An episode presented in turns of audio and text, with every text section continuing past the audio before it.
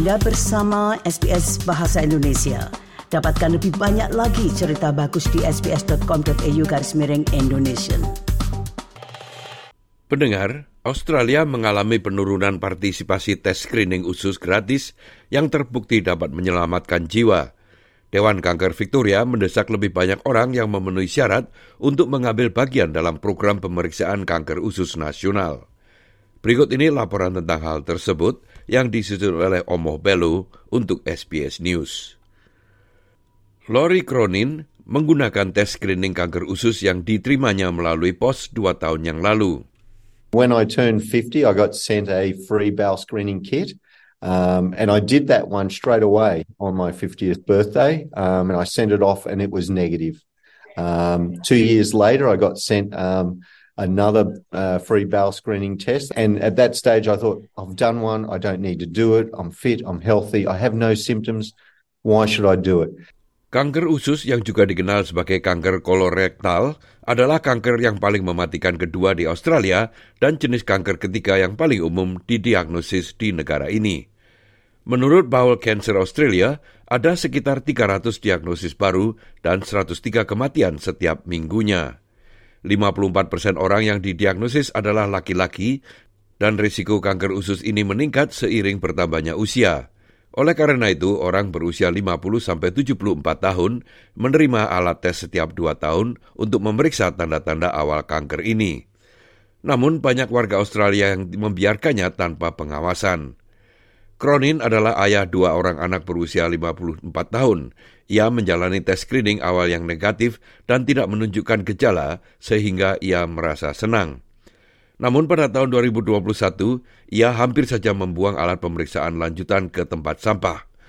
Namun istrinya, Catherine Cronin, membujuknya untuk mengambilnya kembali. Luckily, I did because that free bowel screening test picked up the bowel cancer that doctors said would have killed me within 12 months if it wasn't diagnosed and treated at that point in time. Pria berasal dari Victoria ini bersyukur telah mendapatkan kesempatan untuk hidup lagi.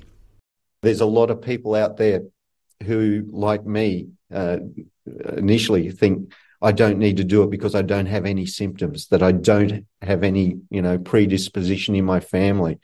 But bowel cancer can strike anyone um, and it kills thousands and thousands of people each year. And simply by doing this test, you know, it might just save your life. So, you know, don't take the risk, take the test. Namun Victoria telah mengalami penurunan 3.800 diagnosis dibandingkan perkiraan dalam beberapa tahun terakhir akibat pandemi COVID-19. Kepala Eksekutif Dewan Kanker Victoria, Todd Harper, mengatakan persentase orang dari komunitas yang berbeda budaya dan bahasa lebih rendah yang berpartisipasi dalam pemeriksaan usus setiap tahunnya. One of the things that we do know is that people who speak a language other than English at home have a lower participation rate in the bowel cancer screening camp program.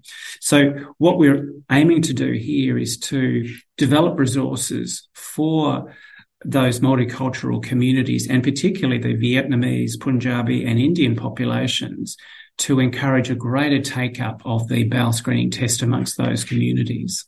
Habe menambahkan bahwa kampanye ini bertujuan untuk mengatasi kesalahpahaman tentang penyakit ini di banyak komunitas. We understand that uh, for some communities where the diet is largely vegetarian, in, in some cases there can be a perception that bowel cancer doesn't uh, relate to them because of their diet. So what we want to, to do is get out the message that regardless of diet, regardless of family history, this is a really important test for everyone in the community to do when they have the opportunity. It's free, it's painless, you can do it in the privacy of your own home. And if detected early, we know that 90% of bowel cancers can be successfully treated. Demikian tadi sebuah rangkuman tentang kanker usus yang disusun oleh Omo Bello untuk SBS News dan disampaikan oleh Ricky Kusumo. Anda ingin mendengar cerita-cerita seperti ini?